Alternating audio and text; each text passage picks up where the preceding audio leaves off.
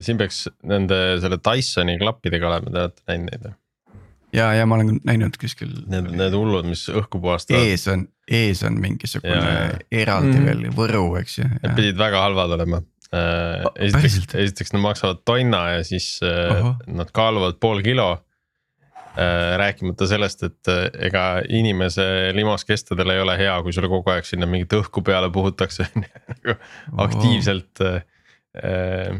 Ehk siis nad ei ole ka tervisele väga, väga kasulikud aga no näevad cool'id välja, kuigi Võtta väga avalikus ruumis vist ei tahaks olla nendega. aga, aga siiski on mingisugused inimesed teinud otsuse, et see on hea mõte äh, jah, väidetavalt äh, ma vaatasin mingit videot selle kohta, kus äh, Dyson on nagu ka varem üritanud teistesse sektoritesse sisse minna kuni autotööstuseni välja. Noh, selle mõttega, et mootoreid nad teevad ju hästi tolm, tolmuimeja mootoreid muidugi see, see, see püstine junn, eks ju, see Dysoni oma, see on, see on tõesti väga hea, nagu. see on päriselt tolmuimeja, kõik teised on siuksed tolmupühkijad, tolmu laiali puhujad. no vot, et siis nad sellest äh, vahel satuvad. satuvad hoogu jah. segadusse võib-olla, et. Nad jo jooksevad ringi, et kõik haamriga kõik asjad on naelad, et. jah, jah, just, just, just, just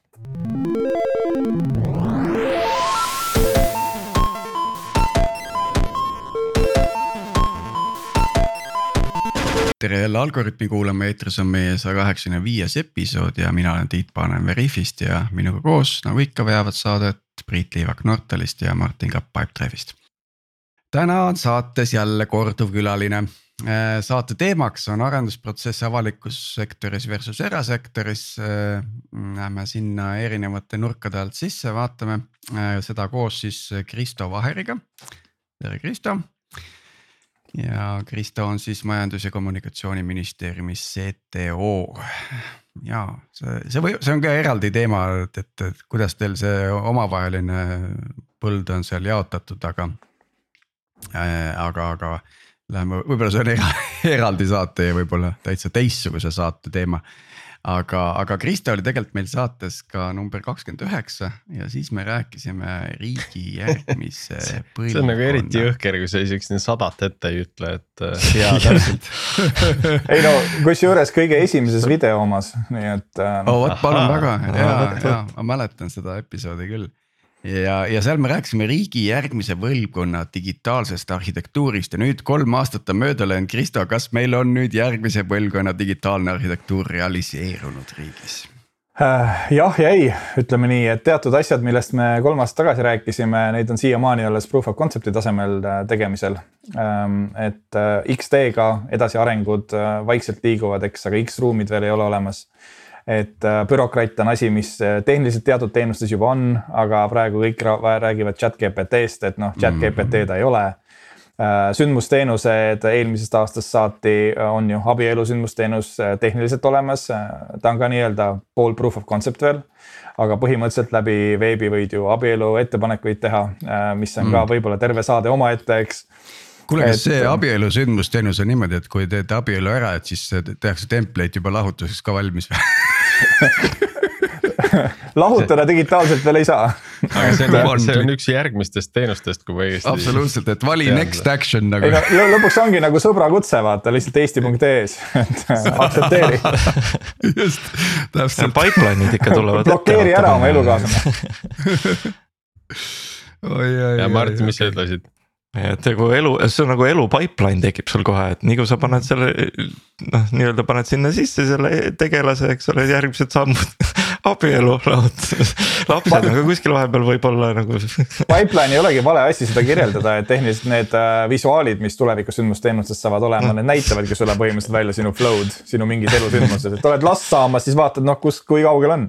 kas on üle tähtaja või ei ole, eks ja, ja ma näen siin kohe mingid no digitaalsed nomaadid ja, ja kuidas ma isegi ei tea, igasugused generatsioonid, kogu alfabet, et et riik surub sind mingisugusesse standardmudelisse, käi koolis, mine tööle, et ja siis mine pensionile, eks no võib-olla, ma arvan, et see on, see on tegelikult nagu niimoodi, et äh, riik tahaks neid standardmudeleid, mis, mille raamis sa oled, sa oled tegelikult täna juba nendes raamides, need oleks võimalikult äh, kiired, kergesti läbitavad niimoodi, et sa saaksid teha neid päris asju.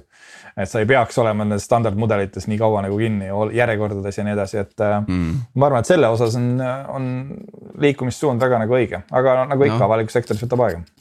ja, ja kohe tuleb see sooneutraalne partnerlussüsteem ka, siis tuleb väike iteratsioon otsa kirjutada. peab ei ütlema, et sündmusteenused väidetavalt juba toetavad seda aa oh, jaa, väga hea. no see on, selles mõttes on, on huvitav, see on nagu kõrvalt domeenist nii-öelda võib-olla anekdoot, aga äh, noh, sotsiaalministeeriumi haldusala IT-maja on öelnud seda, et noh, et eelmine valitsus pani backlog'i väga-väga pikalt ja põhjalikult täis ja nüüd tuli uus valitsus ja selgub, et mõnda asja ei peagi tegema, mis äh, siis backlog'is on. et noh, ka sealt säästi, säästeti maksumaksja raha, eks mm. -hmm nii, aga kuulge, ma pean tunnistama, ma ise olen suhteliselt kaugel sellest riigi arendustest äh, nagu noh, igapäevases töös ma kuidagi nagu ei puutu kokku.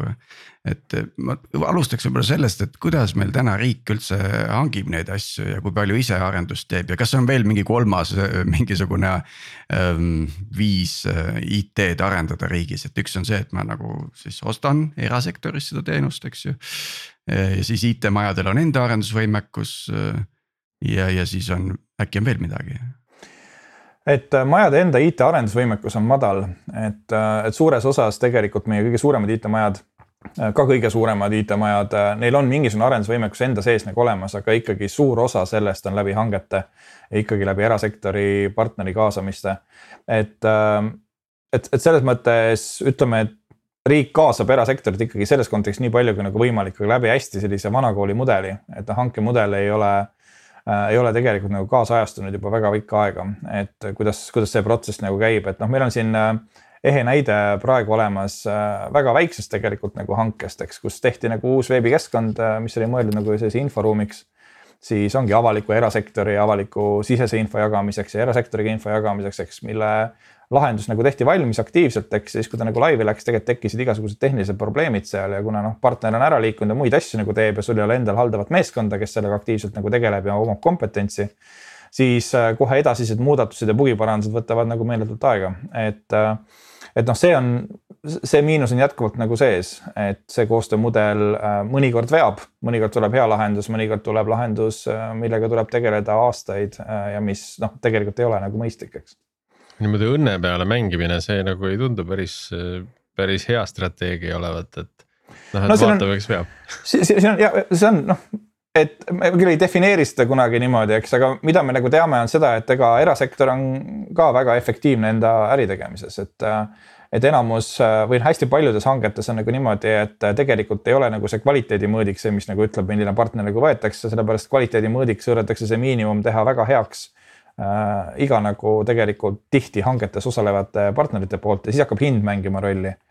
ja siis sa loodad, et need materjalid ja see visioon, mida on sinna kirja pandud erinevate ettevõtete poolt äh,, on siis selle partneriga hea ja realiseerub nagu hästi, aga sa kunagi ei tea, sest sa ei tea, mis see meeskond sinna nagu päriselt nagu lõpuks tuleb.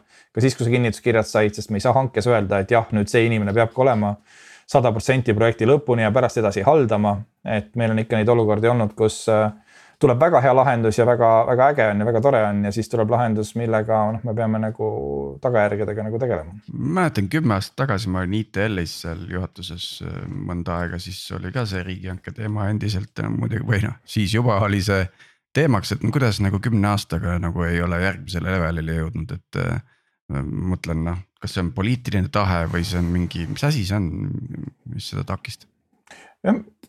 Seda on, see on, eks see on selline küsimus, kui sellele vastus oleks, siis, äh, siis seda probleemi äkki ei oleks, eks. aga see on, eks see on õiglus, äh, et me oleme ikkagi väga, tahame võimalikult vähe korruptsiooni, eks võimalikult äh, tahame avalikult turule anda võimalusi, eks ja noh, ja sellises äh, maailmas, kus kõhutunde pealt on nagu raske otsust nagu teha et noh, näiteks mina enda nagu rollis, ma saan osaleda teatud hangetes, eks nii-öelda hindajana ja see on nagu kõik, eks, aga ma ei saa ka siis, kui mul on nagu kõhud on olemas, et selle partneriga on tegelikult väga hästi, siis ma ei saa enda nagu nii-öelda subjektiivset kogemust ju kasutada, et öelda, et me tegelikult anname sellele partnerile, sest ma tegelikult tean neid inimesi, kes sealt nagu tulevad ja sealt tuleb nagu hea asi. et selline subjektiivsus, mis vaata erasektoris on olemas. erasektori ettevõte, no Sergei, eks kindlasti no sai ju teha valiku niimoodi, nagu talle tundus, et see partner on hea, lähme nendega. ka siis, kui teine partner võib-olla tegi materjalid viisakamad, et riigis see ei ole võimalik et aga riigis no,. Äh, seal on ju, eks ole, omad probleemid, et, äh, et kes kellega golfi mängib, äh, kellele saadetakse võib-olla ägedamaid kingitusi, kaljamaid pudeleid ja suuremaid suuremaid nagu lillekimpe, et noh, et see on võib-olla natuke kuidagi soositud. ja õigluse, õigluse hind on ebaefektiivsus võimalik. valus no, tõdemus aga eks, eks jällegi ma ei taha ka seda palli lükata niimoodi, et see on nagu erasektori ärimudeli nagu tulemus, et tegelikult eks mida targem on tellija ja see, kes riigi poolt seda projekti nagu koordineerib, seda parem on ka tulemus. sest noh, mingisuguseid asju sa suudad ju kinni püüda ka enne seda, kui hanke lõpptähtaeg on nagu käes, et noh, mingid asjad, mis võib-olla silmade vahele jäävad.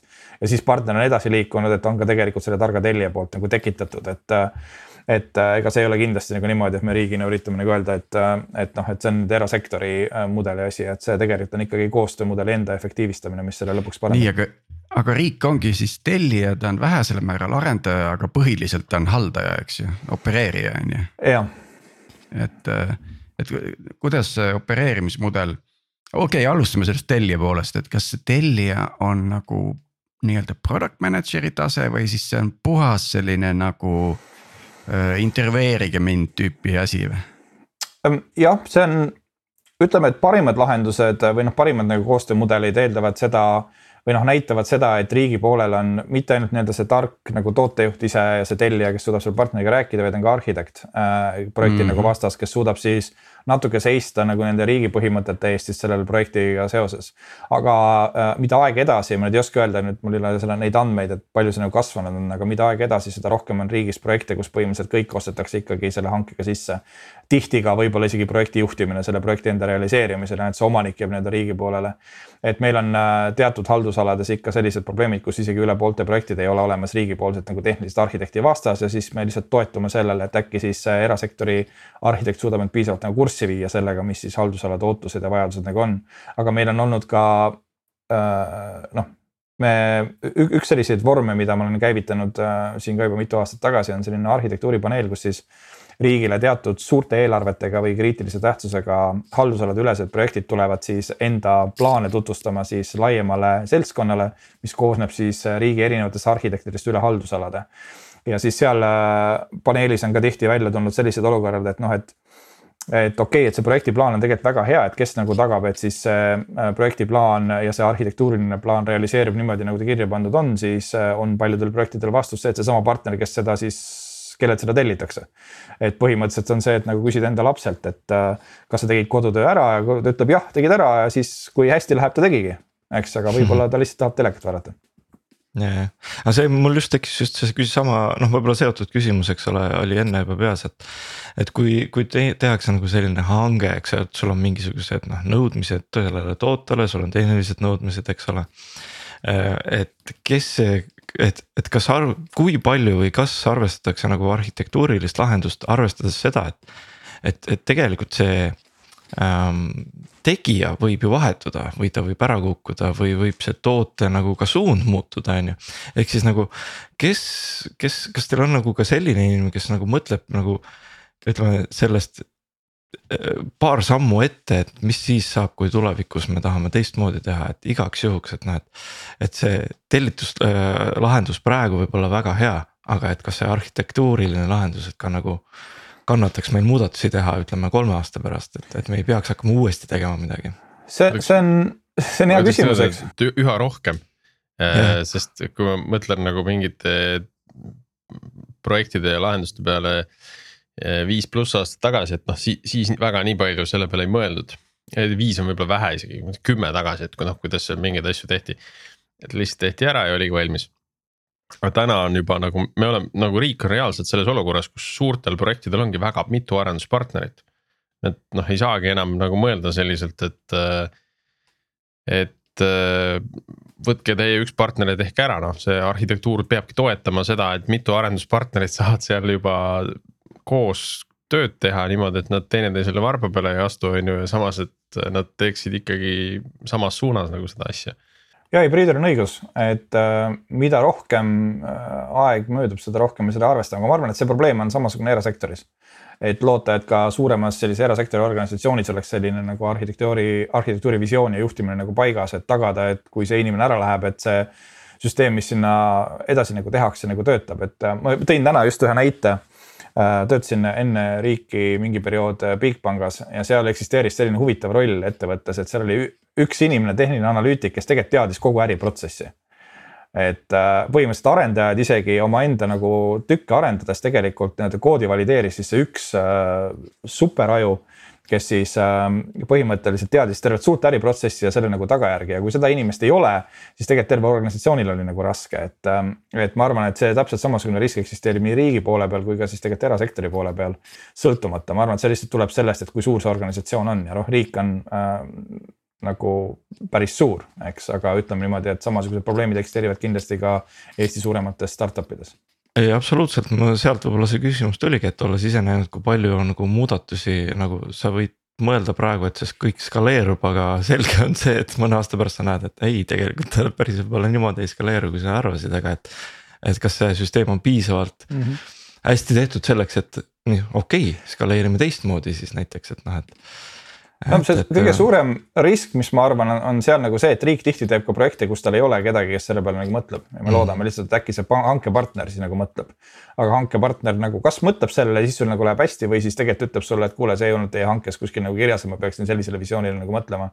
ja siis on ja, nagu jällegi kehvasti, eks, et, et noh, kui, kui asi oleks nii-öelda nagu puhtalt nagu minu teha, siis ma tegelikult tahaksin küll nii, et äh, riigis ei toimuks ühtegi arendust niimoodi, et riigi poole peal ei ole olemas tehniliselt kompetentset inimest, kes noh, natukenegi koordineerib seda pilti nagu kokku.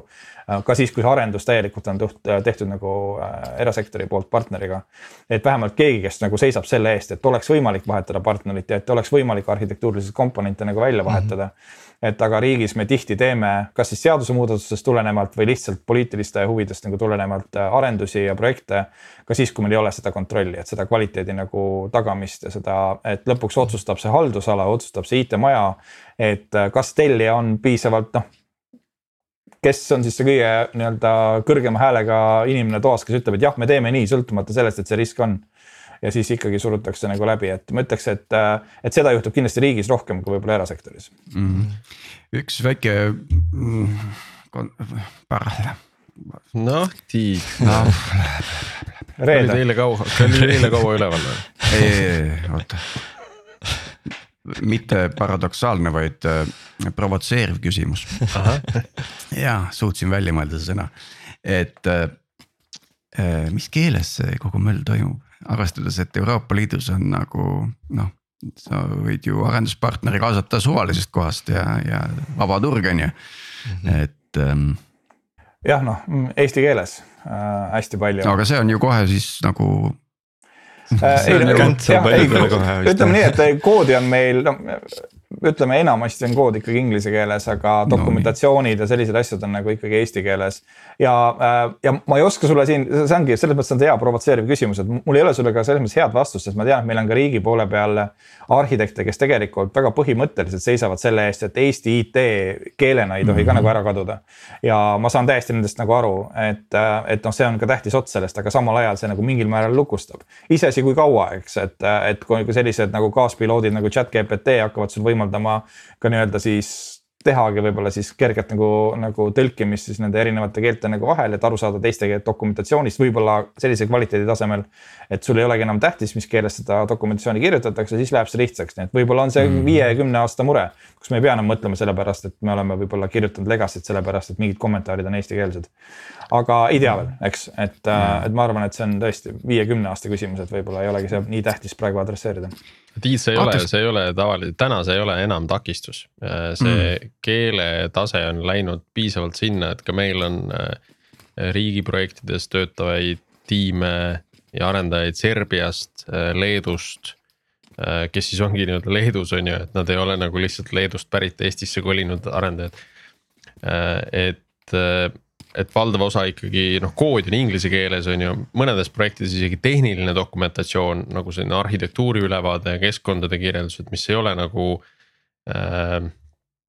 mis on nii-öelda nagu sisemine töödokumentatsioon, see võib olla inglise keeles kui, kui räägitakse nüüd nagu sellest analüüsidokumendist, et see peab olema eesti keeles. Seal on vist mingid seaduslikud nõuded juba aga. see mõnes mõttes on ju ka hea, et nagu tõesti, et see okei okay,, Eesti IT-sõnavara on, on nagu ma tunnistan veider, aga väga tore samas, kui, kui see tõesti säiliks nagu ja kuulge, aga vaataks selle opereerimise poole ka, siis läheme juba arendusprotsessi juurde ja vaatame neid erinevusi.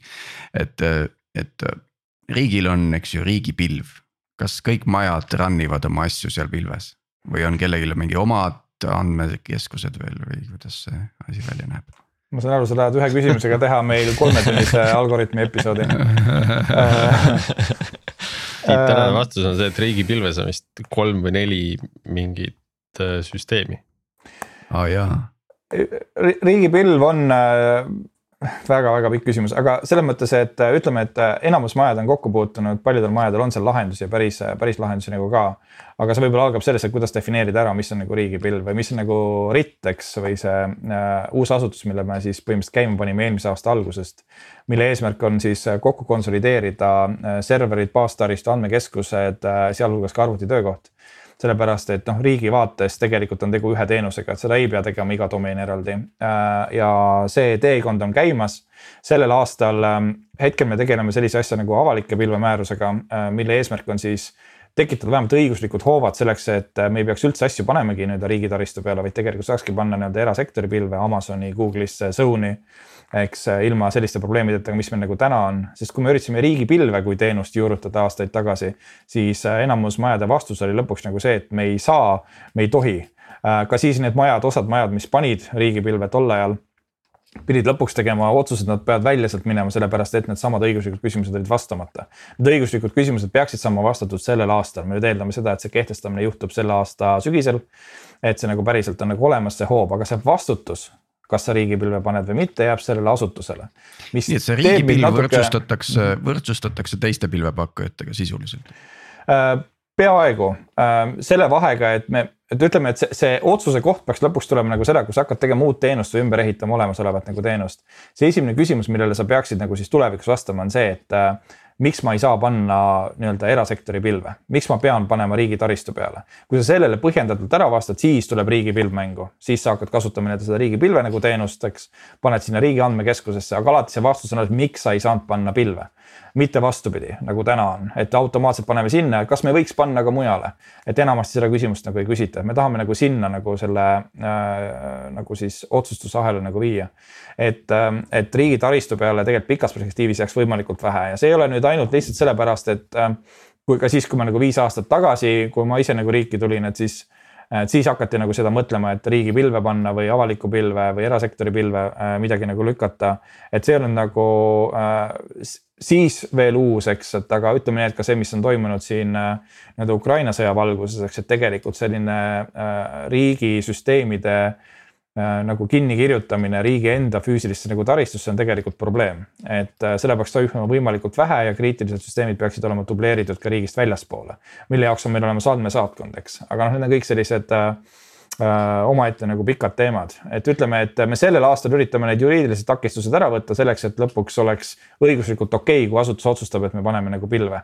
ja siis samal ajal me tahame tagada, et riigipilv teenusena siis teeks sellise arenguhüppe nagu võib-olla siis viis aastat tagasi sellel hetkel veel kogemuste pealt ei nähtud nii, aga Tiit, kui nüüd kohe minna sellesse äh, võrdlemise poolde, et ju erasektoris on täpselt samamoodi, et kõigepealt vaatame välja ja Äh, kui avastame, et aa, et siin on nii konfidentsiaalsed andmed, et noh, me peame ikkagi selle kasti panema sinna keldrisse tiksuma, et noh, siis, siis see otsus tehakse, see on okei okay.. ja siis on need äh, andmeresidentsuse küsimused ka. Mm -hmm. kas see tähendab, et mhm. Eesti, Eesti data center, kes meil siin ka algoritmis käis, et läheb ka kasutusse äkki riigi no poolt? Et... ikka, äh, me tahamegi RIT-ist teha sellise nagu noh, kuidas võtta siis nagu cloud excellence või siis nagu kompetentsikeskuse, kes äh, on siis nagu partner just nagu riigi nendele äh, teenuseid arendavatele pooltele, äh, IT-majadele, kes peaksid keskenduma ainult selle riigi domeeniteenuse arendamisega, ehk siis nad ei peaks tegelema nii-öelda sellise klassikalise süsteemi administreerimisega või siis arvutitöökohtade administreerimisega, sest see ei ole mitte kunagi riigi core äri. aga ilmselgelt peab riigil olema teatav kompetents seal, et siis nagu anda siis võib-olla nõu. mida me nagu teame, seda on see, et, et kui me hakkasime kunagi seda äh, cloud first nagu mõtet ellu viima, mitte siis nagu isegi avaliku cloud first, vaid, vaid on riigi enda sees, et me teeksime cloud first nagu lahendusi. siis me tajusime seda, et tegelikult äh, ka kõige nii-öelda kõrgema kompetentsidega nagu insenerid riigis, et igas äh, asutuses ei ole olemas, meil igas IT-majas ei ole meil olemas nii-öelda kaasaegse pilvekompetentsiga nagu arhitekte või insenere kes on DevOps maailmas või CI/CD maailmas olnud, kes ikkagi jätkuvalt ehitavad asju kunagiste nagu VM-ide peale et, ähm, et noh, kuna see kompetents on nii madal, siis et tekitada nagu mingisugune hüpe, siis me natukene nagu konsolideerime seda kompetentsi, kui siis see nii-öelda küpsusaste tõuseb, et no siis me saame jällegi mingisugused hoovad nagu lahti anda. aga täna vähemalt on küll niimoodi, et RIT-i eesmärk on olla meil ähm, või noh, saab olema meil nagu see, et oleks see üks koht, kellelt sa küsid, mis tundub mulle kõige mõistlikum, kui minu olukord on selline. et kas ma peaksin äh, sinna minema või riigipilve minema ja kui ma peaksin ühe või teise valima, siis milliseid nõudeid ma peaksin arvestama, mida ma peaksin kvaliteedi mõttes nagu tagama selleks, et ma nii teha saaksin mm. -hmm. et seda ei pea küsima maja enda poole pealt enam. et siin ongi nagu huvitav, et see infra osa nagu standardiseeritakse ära, eks ju. kas on veel mingeid asju, ma mõtlen, et kas arendusprotsess iseenesest nendes hangetes või ka majades sees kas see on ka midagi nagu üldiselt kokku lepitud majade vahel või on see ikkagi kohalik otsus või kuidagi hankedokumentatsiooni mingisugune osa või mis? see, see on, see võib-olla puudutabki seda, mis sa kõige alguses korraks nagu puutusid, et mis on nagu selle meie ministeeriumi või nagu minu osakonna nagu roll, et mm et meie riigi üks edusambaid on olnud see, et me detsentraliseerisime ära oma IT nagu tarne äh, IT-majadesse, haldusalade lähedale, et noh, see, kes nagu teab, mida politseil kõige rohkem vaja on, see insener töötab temale lähemal, kui ta töötaks riigis keskselt. Mis äh, on nagu väga hea olnud, äh, sest ta on andnud meile võimaluse teha hästi palju asju hästi kiiresti ja väga lähedal äh, lõppkasutajale eks, aga äh, ilmselgelt sellises maailmas tekib liiga palju killustatust ja siis, et seda mhm. killustatust natukene nagu kokku koondada, siis see ongi nagu nii-öelda meie osakonna roll, eks digiriigi arenguosakonna roll. kes siis vaatab nii-öelda riigiüleseid teenuseid, põhimõtteid ja platvorme äh,. meie äh, all on ka RIA siis, eks, RIX on meie all ja siis RIT on, eks põhimõtteliselt lühidalt kokkuvõttes siis kesksed platvormid, eks äh, pilv ja taristu ning siis mm -hmm. side et äh, jah, palju lühendeid, eelmine kord viskasime ka nalja selle üle ja mitte, teate vist iga kord, kui on äh, avaliku sektori inimene siin, et mis need lühendid on, eks äh,. jah, aga, aga jah, et me tegeleme nagu selle kesksete nagu põhimõtetega ja üks selliseid äh, asju, mis siis nagu, mida me keskselt koordineerime, ongi mingisugused sellised ristfunktsionaalsed nõuded, sellised üldised nõuded, millega võiks arvestada iga riigi arendus.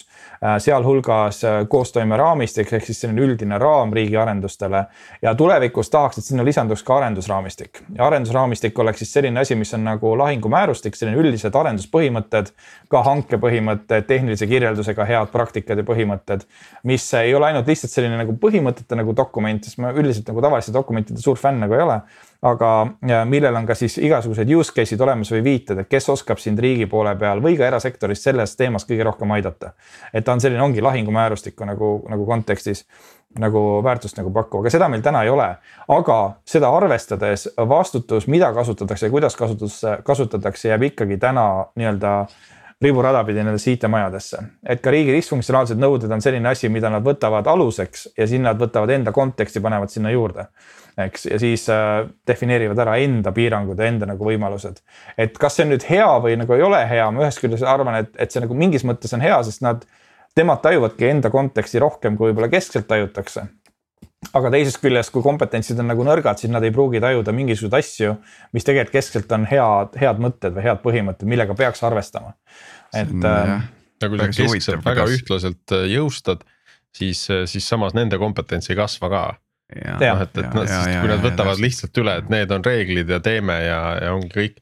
et, et see nagu võib-olla aitab seda baastaset kasvatada déjà vu on see, et nagu kunagi panin Veriffi käima, siis oli teadlik otsus, et nagu tiimidele võimalikult palju autonoomiat anda ja nad läksidki jube kiiresti käima ja jube kiiresti tegid asju, on ju, ja siis lähed sellest startup'ist nagu scale up'i. ja hakkavad tulema mingisugused policy'd ja mingid sertifitseerimised ja siis vaatad, et oi joo, siin peab kõvasti hakkama standardiseerima, on ju. et ja siis seesama skill'ide küsimus on ju, et see know-how on nagu lünklik, eks ju, et erinevates tiimides, et sa üritad seal nagu läbi standardiseerimise nagu neid kõiki tõmmata kuhugi nagu kõrgemale levelile. ja riigis on põhimõtteliselt sama asi nagu käimas, et see on nagu no, no. huvitav. siin ei olegi nagu selles mõttes, ma arvan, et äh, et noh, see juhtubki põhjusega, et sul peabki suurem maailm hakkama kokku mängima, et kohe, kui sul tekivad sõltuvused, kohe sul peavad olema mingid kokkulepped. ja kokkulepped viivad mingisuguste dokumentideni ja dokumendid viivad bürokraatiani, eks.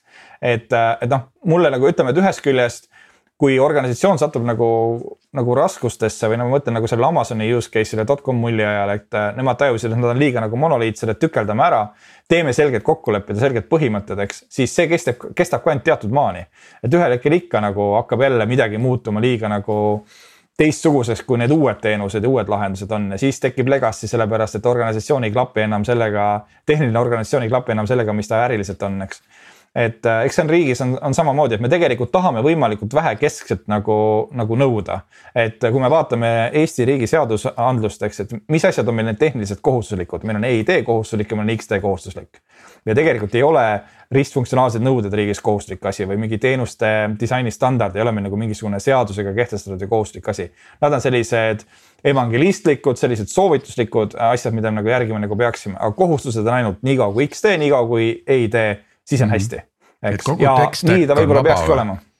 tekst stack on vaba jah. mingi disaini library võiks küll olla nagu erinevatest teenustest, sellepärast et no no ma eile vist või üleeile pidin just jälle EMTA-sse sisse logima ja siis kuidas aga no,, aga Martin, see ju liigub sinnapoole no ma jah, noh jah, jah. tänaseks on vist isegi eh, GitHubi jõudnud see component library, mis on siis selle Veera stiiliraamatu nii-öelda peale ehitatud nagu komponendi kogum mm. -hmm. mis, mis on ka aval-, avatud lähtekoodina hallatav ja edasiarendatav no,. ja kasutatav tegelikult kõigile siis et super nagu, et mingisugused tingimused on, et ikkagi, et kui on riigi noh, a la disainikomponendid, et siis nagu katsume neid ikkagi kasutada, okei okay..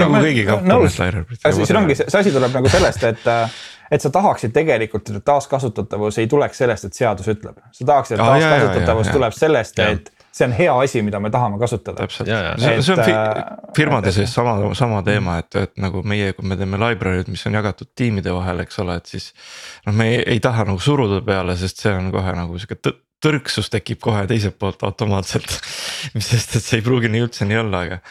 aga kui see on jah hea ja, ja, ja mugav kasutada, siis loomulikult kõik tahaks seda ju sest riigis on veel see probleem, et kui sa selle seadusesse paned, siis äkki tuleb mingisugune täiendusvajadus äh, ja. kuskil hästi vanas süsteemis äh, mida, mida sa nagu mitte kunagi ei taha nagu kolida selle peale üle, sellepärast et sa tead, et aasta pärast see asi läheb üldse kinni, on ju.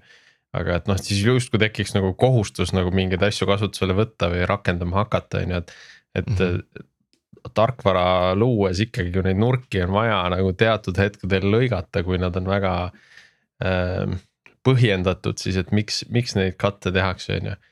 ja mhm. need põhjused on arusaadavad ja see väärtus on seal väga defineeritud aga ma tahaks, ma tahaks korra -huh. küsida ikkagi ja. veel selle, ütleme selle riigi kompetentsi kohta, et me vahepeal siin rääkisime, et et mingites valdkondades, eks ole, ta on võib-olla nagu natuke madalam kui võib-olla erasektoris.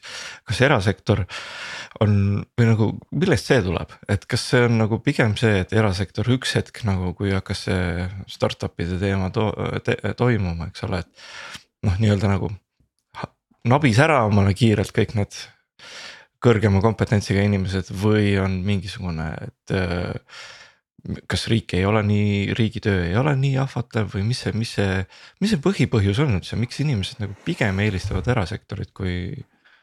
ma ei usu, et see ainult ju palga teema on. Ähm, ja väga ka hea küsimus, eks, millele on hästi mitu nagu vastust, mu enda tõlgendus nagu sellega seoses on see, et et äh, ma arvan, et see sõltuvuse äh, ahel on üks kõige raskemaid asju äh, avaliku sektori töö puhul. et, et üks asi, mida arendaja alati nagu tahab, et, et tihti isegi eriti noor arendaja, ta, ta arvab, et tema teab, milline maailm olema peab ja ta enam-vähem saab selle teenuse teha niimoodi full stack valmis ja tema asi töötab ideaalselt, et, et enam väga paljudes minu enda kogemuse peal arendusmeeskondades on alati olemas niisugune üks see guru, kes teab täpselt, kuidas see maailm käima peab teised on nii-öelda nagu siis selle visiooni nagu assistendid, et, et riigitöö puhul on sul neid sõltuvusi nii palju et millal keegi teine midagi nagu teeb niimoodi, nagu sina nagu päriselt nagu soovid. kellega sa arvestama pead, kuidas sa eelarvet nagu välja võitlema nagu pead, et sul on nagu seda kontrolli tegelikult vähem ja see kontrolli, kuna sul on kontrolli vähem ja samal ajal sa sõltud nii palju nagu teistest, et siis ta ei ole nagu nii atraktiivne töö sealt tuleb välja seesama asi, mida öeldakse bürokraatlik, eks. mis ta on, ta on kahtlemata on, et, et noh, kui ma võib-olla siis kolm aastat tagasi, kui me, see on kuskilt peaaegu täpselt kolm aastat tagasi Äh, kui me selle esimese video asja nagu tegime, et kui ma siis veel alles nagu õrnalt äh, tajusin seda, siis ma ütleks, et noh, nüüd, nüüd see on ikkagi päris, päris palju nagunii. Et, et tegelikult see on see asi, mis kindlasti hoiab teatud inimesi nagu eemale. aga teisest küljest ma, ma ei arva ka, et see võib-olla peaks olema teistmoodi, ma ei arva, et avalik sektor peaks konkureerima äh, nii-öelda nagu laialdaselt siis kõikide kõige paremate inimestega nii-öelda, kes siis äh, tegelikult Eestis nagu elavad ja selles valdkonnas nagu tegutsevad. ma olen ise väga tugevalt seda usku, et, et riik ei pea olema nii-öelda early adopter, aga meie jaoks on hästi hea näha, et erasektor on, toob mingid uued lahendused, aga me tahaksime olla pre-mainstream. Ehk siis erasektoriga koostöö võimaldab meil siis mingisuguseid lahendusi võtta varem nagu kasutusele et, et see cutting edge äh, tase peakski tegelikult tulema erasektorilt ja inspireerima siis ka lõpus ka riiki järgi tulema. et äh, ja see on sinu vaates on nagu see täiesti nagu okei okay,, et me ei peagi olema need kõige need äh, eksperdid ei peagi nagu töötama nagu riigis, aga teatud miinimumtase võiks olla nagu kaetud. ja teine asi korraks puudutada seda palgaküsimust, siis ma olen ise nagu seda meelt, et see ei ole mingisugune üldisem seisukoht, aga seda meelt, et tegelikult avaliku sektori töö ei peagi olema võrdväärne erasektori palgaga sest tal peab olema mingisugune kompromiss sees, mingisugune missioonitunne nagu sees, sa teed tegelikult midagi muud. sa ei tee lihtsalt mingisugust äri, mis üritab bottom line'i taga ajada, sa üritad midagi teha ühiskonnale ja, ja see, selle vaatest inimesed, kes nagu siis teevad enda vaates, kes on motiveeritud tegema sellise nagu kompromissi, saama teatud maani nagu ikkagi noh, mm, madalamat palka, ehk siis tegelikult äh, see missioonitunne on see, mis nagu lõpuks selle nende jaoks ära nagu tasub. et äh, kui see oleks täiesti nagu võrdne, siis äh, ma arvan, et ta näiteks võib-olla hoopis teistsuguseid ja võib-olla negatiivsemaid mustreid, mida me tegelikult näha ei taha seda küll jah, et siis on, siis on see palkamise teema, eks ole, juba, et sa pead väga hoolikalt inimesi nagu veel hoolikamalt siis inimesi valima, et kes ei tule ainult missiooni pärast, vaid mm. -hmm. võib-olla ainult raha pärast ja äkki me noh, jah, ei, võib-olla ei tahagi nagu kõiki selliseid võtta ka jah. aga seda bürokraatiat korra peegeldades, et, et tegelikult, kui vaadata hästi suuri ähm, kliente maailmast, et siis seal seal on samasugune, samamoodi seda bürokraatiat äh, ja seda natukene aeglasemat liikumist äh, ähm, on, on väga palju, et, et noh, kui me siin võtame mingid äh, Eesti kliendid, siis see ei paistagi välja, sellepärast et nagu Eesti riik on oluliselt suurem klient kui, kui ükski Eesti erasektor. Erasektori ettevõte saab olla, kui me vaatame mingeid USA telekome või Saksa mingeid suuri organisatsioone et, et noh, seal seda, seda, need, neid liikuvaid osi on lihtsalt nii palju rohkem. ja sa alati ei saa ka aru nagu, et noh, miks, miks me seda muudatust teeme. sest sul puudub see, see tervikpilt, et mingisugune kolm lüli eemal kuskil tehakse veel mingit muudatust, mille jaoks seda vaja on, on ju. ja sa ei teagi, et selline süsteem üldse olemas on. sellepärast, et lihtsalt see asi on nii suur. et, et ma, ma arvan, et siin ei saa nagu öelda, et, et avalik sektor väga teistsugune oleks lihtsalt avalik sektor on nii palju suurem, äh, kui seda nii-öelda tervikuna vaadata. Äh, et jah, igasugused väiksemad süsteemid on siin sees, aga, aga lõppkokkuvõttes need väiksemad süsteemid peavad omavahel kuidagi kokku ka töötama ja, ja just selles oma nii-öelda äh, kontserdis esinema. ja ei, see on kindlasti nii ja ma arvan, et Eesti, kui me vaatame ka neid välisriike, kes Eestis külas käivad, siis noh, me oleme jõudnud ka sinna kohta, et põhimõtteliselt see töö, mida Eestis teeb üks inimene, teeb välisriigis kuskil kümme inimest äh, ja noh, ja sealt tuleb ju ka omaenda bürokraatia, eks. mille muidugi pluss on see, et, et järelikult avalikus sektoris, Eesti avalikus sektoris üks inimene võib teha päris suure nagu jalajälje. võrreldes siis võib-olla töötades mingisuguses suures riigis kuskil Saksamaa mingisuguses liiduvabariigi otsas ja siis loota, et sealt midagi ta suudab nagu muuta, et kas ta. see maailma muutmine, et noh, meie riigi kontekstis. üks parimaid näiteid võib-olla on see koostööprojekt, mida me praegu teeme nii-öelda hästi Ukrainaga, on seesama asi, me teeme ju seda M-riigi lahendust. ja M-riigi lahendus äh, osadel on juba nii-öelda nagu testitav, proovitav, eks osadele veel nagu tuleb testi, testimiseks, eks. aga see on asi, mis on tegelikult nagu realiseerinud siin ütleme päris tegevusena võib-olla poole aasta jooksul kõigest. et see on hästi-hästi kiire olnud äh, võrreldes äh, traditsiooniliste lähenemistega ja seal me oleme katsetanud uusi mustreid. me oleme katsetanud seal taaskasutust, riikide vahelist koostööd eks äh, proovinud olla agiilsed, äh, võtta kasutajate arvamust hoopis teistmoodi arvesse, kui võib-olla siin äh, viis aastat tagasi nagu tehti. et, et noh, me saame katsetada küll ja ei ole bürokraatlikult nii hull, aga samal ajal me toome ka lõpuks kasutajateni mingisugused funktsionaalsused, mis võib-olla ei olegi veel õiguslikult paigas. et me hakkame näitama näiteks digitaalseid dokumente, mida sa tehniliselt ei saa kasutada nii-öelda õigusliku digitaalse nii-öelda isiku äh, tuvastusdokumendina. eks, aga sa saad vähemalt nagu näha seda ja võib-olla see avab teatud uksi, mis teeb äh, õiguslikku kiirendust ka selles samas äh, meie digiriigis. et sa saaksid telefonis nii-öelda näidata oma enda ID-kaarti niimoodi, et see ka oleks politseile aktsepteeritav mm -hmm.. kuule, aga kas sinu tiimis on see nii-öelda arendusprotsessi äh, know-how kõige tugevam või on, on mingid majad, kes on kuidagimoodi on nagu, ma ei tea, agility ja, ja mingi metoodikatega nagu paar sammu ette ära astunud, et. lihtsalt sihuke konteksti. ma arvan, et arendusmetoodikad on kõige tugevamad ikkagi ja noh, seda mitte nagu valesti mõista, aga ma ütlen niimoodi, et meie hankepartneritel et kui hankepartner äh, tuleb, kellel on päriselt nagu selline agiilne mõttemaailm ja protsessid ja rutiinid juba nagu paigas, siis ilmselgelt on nendel see kõige efektiivsem. me riigi poole peal äh, kõige tugevamad, äh, noh, ongi agiilse arendusega seoses, näiteks ongi SMIT, eks, on seda teinud kõige kauem. eks on saanud erasektori poolt konsultatsiooni, on ise konsulteerinud tihti nagu ka vastu ka teisi haldusalasid et äh, see on hästi-hästi tugev seal, aga enamasti on ikkagi need partnerid seal, kes äh, peavad oskama nendes rutiinides nii-öelda nagu ujuda. et ega avaliku sektoriga me ka, sektorina me ka nagu ei õpeta ju välja, kuidas agiilsust nagu teha et, et lõpuks on ikkagi nii, et kui sa saad äh, endale meeskonna hankes, kes tegelikult ise teab neid nagu rutiine, siis nendega tuleb kõige efektiivsemad arendused. et äh, SMIT-is on lihtsalt selle koordineerimine, juhtimine olnud näiteks nagu tugevam. Äh, ma olen ise enda kogemusega nagu toonud kindlasti nagu sellist agiilset lähenemist ka nagu juurde ja nõustanud sellega seoses, sest me tegime seda kunagi ka Bigbankas et kus Aguri jõgi tuli sinna ja siis talle anti võimalus ja hoob muuta terve organisatsioon agiilseks siis sai end ikka väga tugevalt nagu kurssi viidud ja see oli päris äh, märkimisväärne, eks. aga ütleme niimoodi, et see algab sellest, et kas äh, kul-, äh, kas see organisatsioon ise oskab tellida niimoodi, et see agiilne väärtus sealt välja tuleb. et äh, nagu Bigbanki kogemus pikas perspektiivis oli, siis äh, siis see näitas nagu seda, et kui juhtimine ei muutu lõpuks agiilseks, siis surutakse see agiilsus ka lõpuks maha. et see mm. tellimise agiilsus, võimalikult lühikesed Äh, projektide tähtajad, selged KPI-d, selged teekaardid, kiirem laivi minek, eks. see juhtub ainult siis, kui organisatsioon niimoodi tellib ja hanked seavad meile teatavad raamid sinna. Äh, tihti öeldakse ka nii-öelda avaliku sektori sees juhtide tasemel, et me ei saa ju hangetega agiilsust nagu tellida, et äh, ma olen alati öelnud, muidugi saad. Sa lihtsalt ei tohi kirjutada lahendust ette, sa pead kirjutama probleemi ja mõõdikud, kuidas sa siis mõõdad, kas see nagu lahendus liigub sinna suunas. siis pole tähtis sul et mm -hmm. kas seal on nüüd, keegi teeb sulle sinna mingisuguse ühe monoliidi või teeb sinna mikroteenuste arhitektuuri või, või hoopis äh, konsolideerib kokku mingi kaks olemasolevat süsteemi, et, et see ei ole tähtis, et sa saad agiilselt tegelikult tellida ka fixed eelarvega. sa pead lihtsalt panema need mõõdikud teistmoodi paika.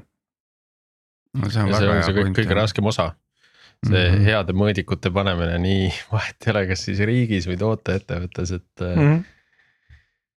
et see on, see on tähtis ja hea alustala aga see tähendab, et ikkagi riigil on äh, häid tootejuhte vaja, kes äh, oskavad nagu mõelda kohe niimoodi noh, agiilselt samamoodi, et mitte ainult waterfall'is, eks. jah, ei no waterfall'il on ka omaenda väärtus. Aga selles mõttes jah, et mis puudutab nagu uue, uute toodete ja teenuste arendust, siis seal on nagu agiilsus ikkagi hästi-hästi tähtsal kohal. Et, äh, et jah, see kindlasti nagu algab sealt. Ja ütleme noh, ega selle tootejuhtide kompetentsidega ka jah, muidugi hindame ja see on üks neid kvaliteedikriteeriumeid, et kas sa oled agiilses äh, nii-öelda protsessis nagu töötanud, aga kui sa vaatad tööturgu, siis kes ütleb sulle, et ta ei ole. Et keegi on igal juhul kuskil organisatsioonis nagu olnud ja teha endale selgeks need kümme asja, mida sa suudad seal töövestlusel välja tuua, mis on agiilsus, siis äh, sellest lendavad ka peaaegu kõik läbi, eks. -hmm. et, et noh, lõpuks on ikkagi nagu see, et kas see päris delivery tuleb niimoodi, nagu sa nagu tahad ja kas sa suudad piisavalt kiiresti, kui saad aru, et läheb vales suunas, et selle juhtme välja tõmmata. ja sellega on riigis raske ilmselgelt. Nii äh,, kuna siin see autonoomia point ja majade iseseisvus oli, oli nagu juba käsitletud ja siis sellega kaasneb ka see, et, et põhimõtteliselt teatud standardiseerimist hakatakse ka rakendama. et kas on ähm, kas on mingisugused sellised tööriistad või platvormid äh, või teenused, mis on nagu jube populaarsed kuidagi just riigiarendustes? jah ähm,, ma ütleks, et mis puudutab nagu arendusplatvorme ja lahendusi, mida siis kasutatakse, et see on ikkagi igas majas suhteliselt nagu, nagu erinev olnud. et, et noh, küll üks juurutab ühte, küll juurutab nagu teist, et, et noh, ilmselgelt on meil noh, Docker asi, mida ikkagi laiemalt nagu kasutatakse nüüd lõpuks, eks, aga Docker on ka ainult väljund teatud nii-öelda erinevatele teistele protsessidele. Et, et noh, Kubernetest nagu katsetatakse siin ja seal, eks, et, et noh, need on sellised sellised üldiselt levinumad nagu populaarsed nagu asjad, aga ütleme arendust, äh, mida tehakse, et see maastik on kirju, sellepärast et tihti on hankepartneri enda harjumused ikkagi teistsugused, eks, et tema tahaks kasutada neid töövahendeid, millega tema harjunud on. et nagu siis see tarne nagu ära tuua, et sellist, äh, et noh, et riigi arendaja töötab selliste töövahenditega, sellist, äh, sellist asja meil hetkel nagu ei ole, et ja võib-olla ei olegi seda ka tegelikult nagu vaja. et ma, et noh, et ütleme, kui me teeme ikkagi Äh, arendusi niimoodi, et me saame neid komponente nagu välja vahetada vajaduse korral, siis ei ole ju tähtis, mis töövahendeid me kasutame, et seda nagu teha, et mm. -hmm ja, ja need nõuded selle arendusele, no ma mõtlen kaks asja näiteks äh, nagu accessibility ja, ja ütleme. Teine oleks selline privacy by design, et need on siis puhtalt juba nõuetes äh, sees ja, ja, ja.. Mm -hmm. seda küll. hanke, hanke dokumentatsioonis okei okay,, okei okay.. kuule, aga Kristo, räägi seda ka, et nüüd äh, me teame, vist puudutasime eelmine kord ka seda põgusalt, aga äh, nüüd jälle meedia ähvardab kõvasti, et äh, oo, nüüd hakkab päriselt GDPR kehtima ja, ja miljonilised trahvid hakkavad lendama ja, ja ka seal äh, noh, erasektorile lisaks on ka riik täitsa ära mainitud nendes artiklites, et, äh, et äh, mis värk sellega on, kuidas kuidas riigis sellega on tegelikult siis? ütleme, et ma arvan, et riigis on isegi, isegi hästi eks, et noh, meil on olemas nii-öelda need andmejälgijad, et noh, need muidugi, kes on, kes on ka siin nende virtuaalsete laudade taga sellega kokku puutunud, teab, et noh, et see andmejälg ei ole ka nii A ja O. et, et see sõltub nagu sellest, et kes, kes kus andmeid nagu tegelikult raporteerib välja, et neid nagu, nagu saadi kätte, eks. Aga ma ütleks, et noh, riigis on selles mõttes meil eeltingimused GDPR-i väga hästi tegemiseks olemas. Mis muidugi see tulevik saab olema, ütleme, saab olema kindlasti nagu, nagu märgatavalt nagu keerulisem, et me siin räägime ju siin sellest, kuidas Äh, realiseerida X-tee peale nii-öelda nagu need X-ruumid või nagu need hajused sõnumiruumid, äh, kus teha üks mitmele, mitu-mitmele andmevahetust, et.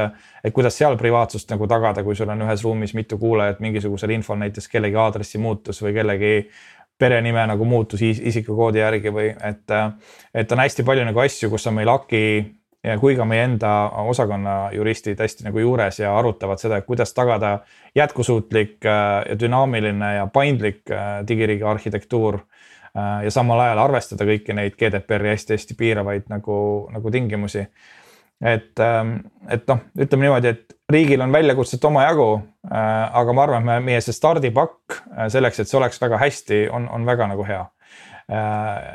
ja kas, kas me siin saame erasektorile kuidagi rohkem nagu eeskujuks olla või koos erasektoriga nagu neid paremaid lahendusi nagu teha, et ma arvan, et see näitab eks kindlasti nagu aega, et me kaasame küll nii palju kui võimalik.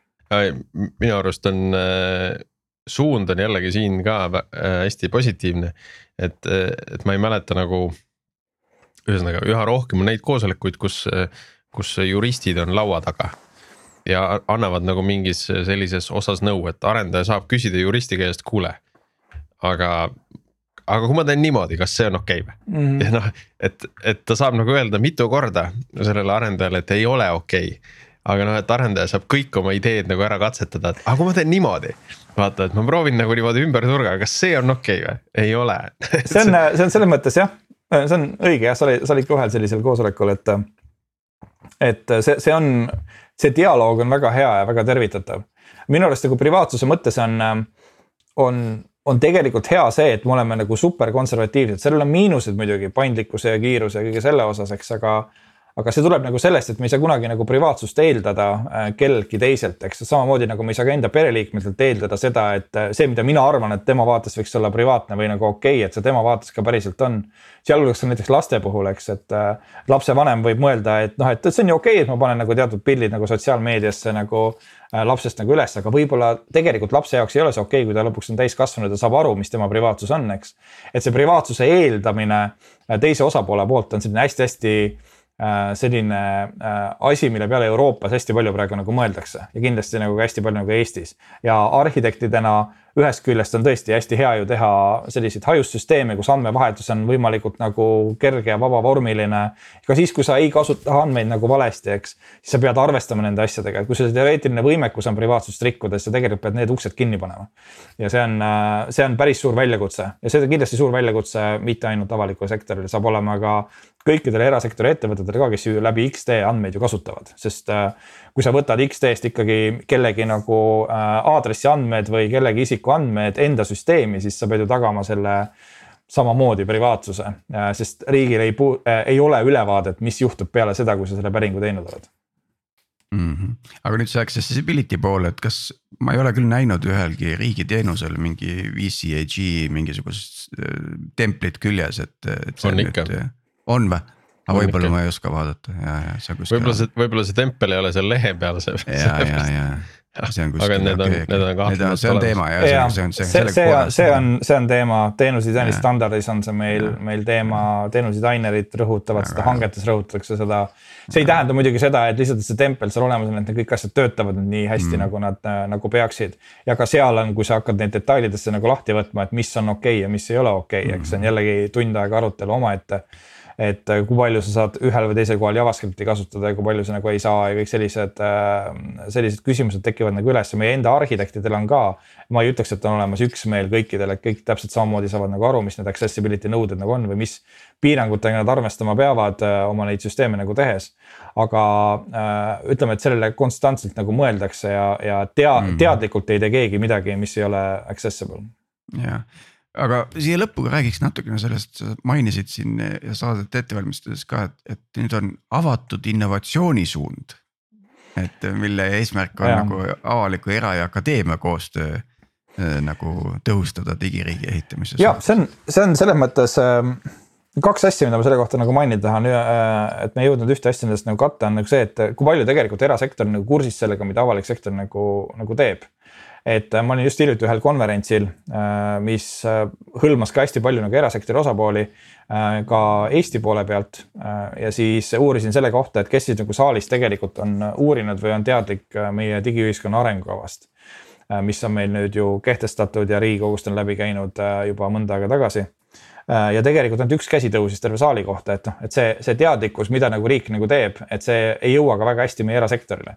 mis noh, ongi märk sellest, et noh, et erasektor tihti ütleb, et riik teeb liiga palju asju, aga tihti ka erasektor ei tea, mida riik nagu teeb, sest ei ole, ei olda ka nende materjalidega piisavalt nagu kursis et kuidas siis nagu seda silda ehitada selle vahele, et tegelikult tekiks natuke selline ühine teadmine, sest ma olen alati öelnud, et me oleme e-riik, mitte e-avalik sektor ja äh, sellest vaatest äh, avatud innovatsioon, äh, mida sa alguses küsisid, on üks nendest suundadest meie digiühiskonna arengukavas.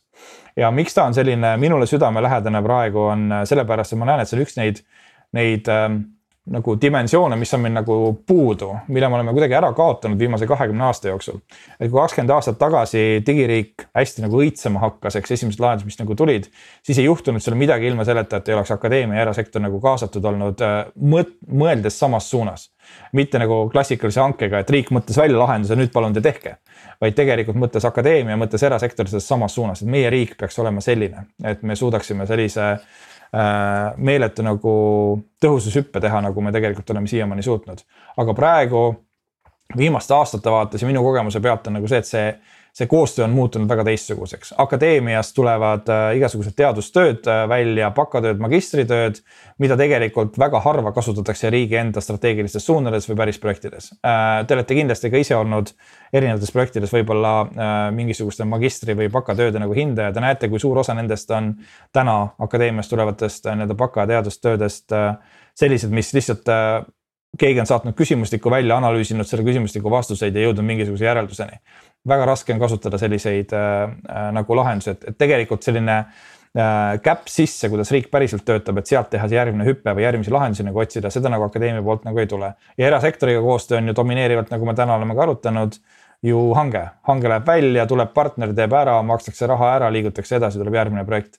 et, et tagasi jõuda kuidagi selle kahekümne aasta tagusesse äh, maailma. Et või võtta, võtta siis kakskümmend aastat tagasi maailmast mingeid asju, mis oleksid väärtused, mille nimel me saaksime edasi liikuda. on siis selle avatud innovatsiooni üks selliseid äh, vundamente. ja mida see avatud innovatsioon siis tähendab, see tähendab tehniliselt nelja asja, millest erinevad asjad on siis erinevas küpsusastmes täna. esimene on see, et, et avalik sektor teeks oma arenduspõhimõtted, oma arhitektuuri põhimõtted, teenuse disaini põhimõtted võimalikult avalikuks, võimalikult laiale kogukonnale kasutamiseks. et tegelikult inimene, kes ülikooli läheb, saaks ühest keskkonnast kätte selle info, et millele nagu avalik sektor ehitab, millistele põhimõtetele ta ehitab, milliseid suuniseid ta annab, et ehitada teenuseid riigile. et natukene avada seda maailma, et kui sa tegelikult lähed ka hankesse, sa juba tead erinevaid asju, et sa ei pea õppima mingisuguse, mis asi on ristfunktsionaalsed nõuded või. või mis asi on see äh, accessibility nõuded, eks, või kõik sellised asjad, et anda nagu see platvorm, ta on äh, info mõttes on selle eesmärk see, et äh, teeme ühised nagu põhimõtted äh, avaliku sektori arendamisest nii avatuks äh, nii akadeemiale kui erasektorile kui võimalik. aga see on selline pehme ots, see on see info, mida sa võib-olla siis saad äh, healt äh, targalt tellijalt ka ise, eks teine ots on siis äh, taaskasutus. Äh, kui te mäletate või osad teist võib-olla natukene on kuulnud sellest, siis äh, neli aastat tagasi Äh, me avaldasime riikliku koodivaramu, kuhu pandaks siis nii-öelda avaliku sektori nagu koodi. ja meie kogemus sellest ajast saati on nagu see, et äh, koodivaramu või nagu lihtsalt open source tükkide nagu avaldamine ei ole piisav. et tegelikult äh, see, et sinu, ka sinu enda organisatsioonis täna inimene tahaks võtta midagi või taaskasutada midagi, tal on vaja rohkemat kui lihtsalt see, et seal see kood on olemas ta tahab teada, kes seda haldab, kes on teinud selle osas äh, viimati nagu turvauuendusi, kui up to date see kood on. kus projektides seda kasutatakse, kellelt ma nagu abi saaksin ja siis äh, rääkides erinevate Euroopa ekspertidega, kes ka vaatavad nii-öelda siis open source'i järgmist nagu sammu, kui ka siis äh, kõikide meie IT-majadega, siis me saime nagu, jõudsime järeldusele, et me peame rääkima sammust kõrgemal kui koodi taaskasutus, vaid me peame rääkima nii-öelda võimekuste ja funktsioonide taaskasutusest ehk siis tekitada selline nagu võimalikult lihtne, minimalistlik nagu register, kus on siis äh, üles loetletud erinevad nii-öelda funktsioonid ja võimekused, mis riigis täna on olemas, mida me saame taaskasutada, mis on disainitud niimoodi, et see on mõeldud ka niimoodi, et rohkem kui üks kasutaja saaks seda päriselt nii-öelda endale kasutusele võtta. näiteks kui hakkab keegi riiki disainima või riigis mingit uut teenust disainima, siis ta kasutaks nagu seda registrit selleks, et ta otsib näiteks autentimislahendusi. kirjutab sinna autentimine sisse ja ta leiab sealt näiteks Tara Äh, RIA SaaS-teenusena või siis ta leiab sealt ka nii-öelda äh, Tara koodi riiklikus koodivaramus. ja ta võib ise siis otsustada, kumba ta kasutab, aga ta näeb, kes seda haldab, kes seda toetab, kellele ta peaks raporteerima, kui mingisugused bugid on tema poolt nagu avastatud ja kus seda lahendust veel kasutatakse. et tekitada vähem rataste leiutamist ja rohkem läbipaistvust nende tükkide osas äh, mida siis riik nagu äh, ise on juba tegelikult disaininud, arendanud ja mida võiks keegi teine kasutada selle asemel, et neid uuesti leiutada viimane asi, mis seal juures on, selles äh, taaskasutuse juures on ka musta kasti teenused. Need on sellised eriti huvitavad asjad, et need on nagu need asjad, et sa tead, et riik on teinud mingi teenuse valmis. aga ta ei anna sinna API-t, ta ei anna sinna koodi, ta ei anna sinna mitte ühtegi nagu otsa, et sa seda ise kasutusele võtta, aga ta annab sulle kontaktinfo. Äh, näiteks mingisugused võivad olla sensitiivsed ähm, mingisugused lahendused, mida tegelikult võiks keegi teine kasutada, aga me ei anna seda täiesti avalikult nagu välja. meil on näiteks. Äh, turvaserveri see keskserver on põhimõtteliselt kui sa tahad koodi, sa saad selle, aga sa pead küsima seda. jah, et, äh, et jah, sellised asjad, eks meil on, täna me teame, et EMTA ja ERMIT ja erinevad lahendused, hästi paljud nendest on nii-öelda musta kasti omad, mida siis tegelikult ei Äh, noh, nad ei taha niisama koodivaramusse nagu välja panna. et, et see on nagu üks selline ots, et tekitada nagu see taaskasutuse järgmine hüpe, sest see probleem ei olnud kunagi koodi lihtsalt äh, avalikustamine, vaid tegelikult ongi nagu päris taaskasutus. siis sinna juurde äh, ja ma lähengi järjest äh, vähem konkreetseks, et on, on turuplats. turuplats on äh, mõeldud selleks, et äh, me saaksime standardteenuseid pane ostukorvi ja võta kasutusele kujul, kasutusele võtta siis avalikus sektoris äh, erasektori teenustena ehk siis äh, igasugused mingid näiteks pilve storage'id või siis mingid litsentsid. et põhimõtteliselt on olemas keskkond kus igasugused standardteenused, IT standardkomponendid ja teenused oleksid sul äh, click and buy põhimõtteliselt kasutusele võetavad. Eesti on siin maas, äh, selle on ära teinud UK äh, selle on ära teinud Uus-Meremaa, Austraalia kasutab lahendusi, Taani on midagi sellist nagu teinud, meie ei ole. meie kõik igasugused standardasjad, mida me hangime, me hangime ikka klassikalise nii-öelda hankemeetodil eelmisel aastal tegime ära õigusanalüüsi, kas selline muster oleks Eestis nagu tehtav. Äh, vastus on hetkel või hüpotees on hetkel see, et jah, on. Äh, lihtsalt lahendust ja seda teekaarti meil veel ei ole, me paneme selle sellel aastal nagu kokku. aga selle mõte on see, et tegelikult igasugused standardasjad ja ideaalis ka igasugust näiteks, kui sa tahad endale lahingpaari, äh, näiteks agiilset lahingpaari, kes on sul arendusmeeskond, lühiajaliselt töötab sinu jaoks. sa saaksid ka selliseid asju võtta või on vaja mingisuguse valdkonna mingit analüütikut sul. eks, et tegelikult noh, ongi Eesti erasektori ettevõtted võivad panna enda mingid põhilised ressursid sinna ka üles ja võimaldada neid click and buy mõttel nagu lühiajaliselt kasutusele võtta. UK tegi ära selle personali otsa, nendele võtab see neli nädalat muidugi vettimist. et see nagu päriselt oleks nagu okei okay, äh, inimressursi osas, aga muud standardteenused on lihtsalt, et võtad kasutusele ja põhimõtteliselt saad endale emaili, kus on sul ligipääsud või muud asjad äh, olemas mis selle trikk on siin see, et igasugused asjad, mida riik näiteks sinna võimekuste registris äh, suudab disainida niimoodi, et seal on rohkem kui üks osapool, kes seda võiks pakkuda, siis see saaks olla ka muster ja nii-öelda alusmall nendele asjadele, mida me siis pakume erasektorile välja, et kuulge, äkki teil on olemas samasugune lahendus. ja tegelikult siis äh, jõuaks sinna kohta, kus teatud asjad, kui keegi kirjutab autentimine sisse, siis ta ei leia sealt ainult nii-öelda tara asju, mis on riigi pool, vaid võib-olla leiab ka erasektori lahendusi. et lihtsalt need anda inimesele silma alla, et ta võiks neid kasutusele võtta. ja viimane asi avatud innovatsioonist on siis tegelikult häkatonide taastekitamine. aga see on nüüd kõige, äh, kõige ebaselgem. me tahaksime häkatonide osas niimoodi teha, et kui meil järgmised digiriigi häkatonid toimuvad, mida meil varasemalt enne Covidit toimus kolm tükki äh, et kui järgmised toimuvad, siis tegelikult need parimad lahendused, mis häkatoni nagu võidaksid, saaksid ka lühiajalisse hankesse selleks, et nende tulemus jõuaks siis päris lõpp äh, selle lõppkliendini, lõpptarbijani. ehk kas siis kodanikule või avaliku sektori äh, töötajale. sellepärast, et need kolme esimese häkatoni lahendused, enamus nendest ei suutnud leida endale eelarvet, et neid nagu lõpuni viia. ja et kui me tuleme tegelikult tagasi järgmiste digiriigi häkatonidega, siis oleks see eesmärk see, et parimad lahendused jõuavad ka tegelikult lühiajalisse lepingusse. et see siis viia lõpuni, see lahendus äh, viia päris lõpp, lõppkasutajani välja ja see siis kokku siis äh, viib endast, toob endas nii-öelda siis sellise avatud innovatsiooni. et me teeme rohkem läbipaistvaks, tekitame rohkem koostöökohti ja loodetavasti siis suudame läbi selle kaasata rohkem erasektorit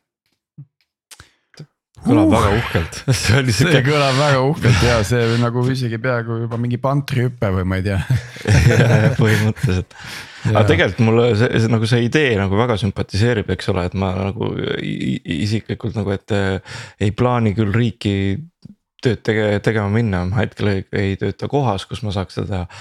aga samas, kui ma saaksin uurida seda, mida see riik teeb üldse ja mis neil on ja mis asjad on, et võib-olla mul tekib mingi äkki mul tekib mõte sellest näiteks mingisugune. et tahaks olla nagu selline open source contributor no. Äh, mingitele riigi asjadele absoluutselt, ma võiks hobina küll midagi teha, et noh ei no aga ongi, vaata, äh, mis siin on, mitmed nimesid mainimata, mitmed erasektori ettevõtted on ju väga edukad olnud äh, inimeste värbamises otse ülikoolist, eks. ka esimese kursuse pealt eks, ja tegelikult miks ei võiks olla ka niimoodi, et need tudengid, kes lähevad IT-d nagu õppima ja oskavad juba koodi nagu kirjutada. ei võiks panna ennast nagu üles siis täpselt samamoodi sinna nagu turuplatsile, et kuule, me oleme juunior inimesed, eks. aga meid saab ju kasutusele võtta, kui meil aeg nagu sobib, me tuleme, teeme teile selle projekti nagu ära, me saame ilmselgelt noh, ongi madalama eelarvega saame nagu seda asja, sest me ei ole nii kogenud, eks. aga me saame hakata tegelikult tegelema nii-öelda väga varajasest east nagu ettevõtlusega. ja kui hästi palju ongi küsimusi on üleval, et kuidas tekitada Eestis rohkem ettevõtlust või nagu inimestel just seda, et nad tahavad hakata pakkuma nii-öelda seda ekstra väärtust, et nad ei pea minema mingisse organisatsiooni ja sinna nagu. et kui nendel on teistsugused lähenemised, teistsugused lahend-, lahendused, et no miks mitte. eks sa juba tudengina hakkad nagu võib-olla saad mingisugustele riigiprojektidele nagu ligi. et see on, see on asi, milles me Eestina oleme selles mõttes maas võrreldes UK-ga ja UK on esiteks suurem riik ja sealt käivad tõesti väga palju nagu äh, hankeid ja lahendusi käivad äh, nagu läbi. Ja lihtsalt natuke tausta anda, et kuidas see nagu käiks, tegelikult on niimoodi, et umbes kord aastas käis üle, üleskutse, et me otsime sellistele mudelitele pakkumisi. ja siin, et valideeritakse need ära ja kõik need, mis on nagu okei okay,, need lähevad sinna turuplatsi siis pakkumisele. ja see siis töötaks siis niimoodi, et kui tegelikult riik, riigis keegi selle valiku nagu teeb, siis ilmselgelt läheb selle, selle ettevõttele kinnitamisse, kas siis automaatselt või siis nagu manuaalselt kellegi ootab kellegi okeid ja siis põhimõtteliselt ongi nagu tehniliselt nagu hästi aastapikkune nagu raamhange, mille sisse siis erinevas ajaaknas võib siis tulla nagu erinevaid riigipoolseid tellimusi niimoodi, väga äge, tõmbame sellele episoodile praegu joone alla. see tuli mitu mõtet, mida veel arutada riigi suunal. aga nende juurde tuleme juba tagasi järgmistel nädalatel ja, ja tahan tänada sind, Kristo, et võtsid aega ja, ja, ja osalesid saates ja aitäh, Priit ja Martin, et aitasite saadet vedada ja loomulikult kõigile kuulajatele. et te ikka ja endiselt meie saadet kuulate aga kuulmiseni juba siis järgmisel nädalal uuesti.